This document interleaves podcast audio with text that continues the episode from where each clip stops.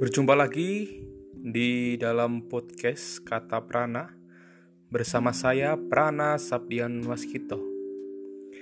Dan di sini kita akan membahas isu-isu tentang keseharian, kehidupan dan perjalanan manusia yang hidup di dunia. Mari kita dengarkan bersama-sama.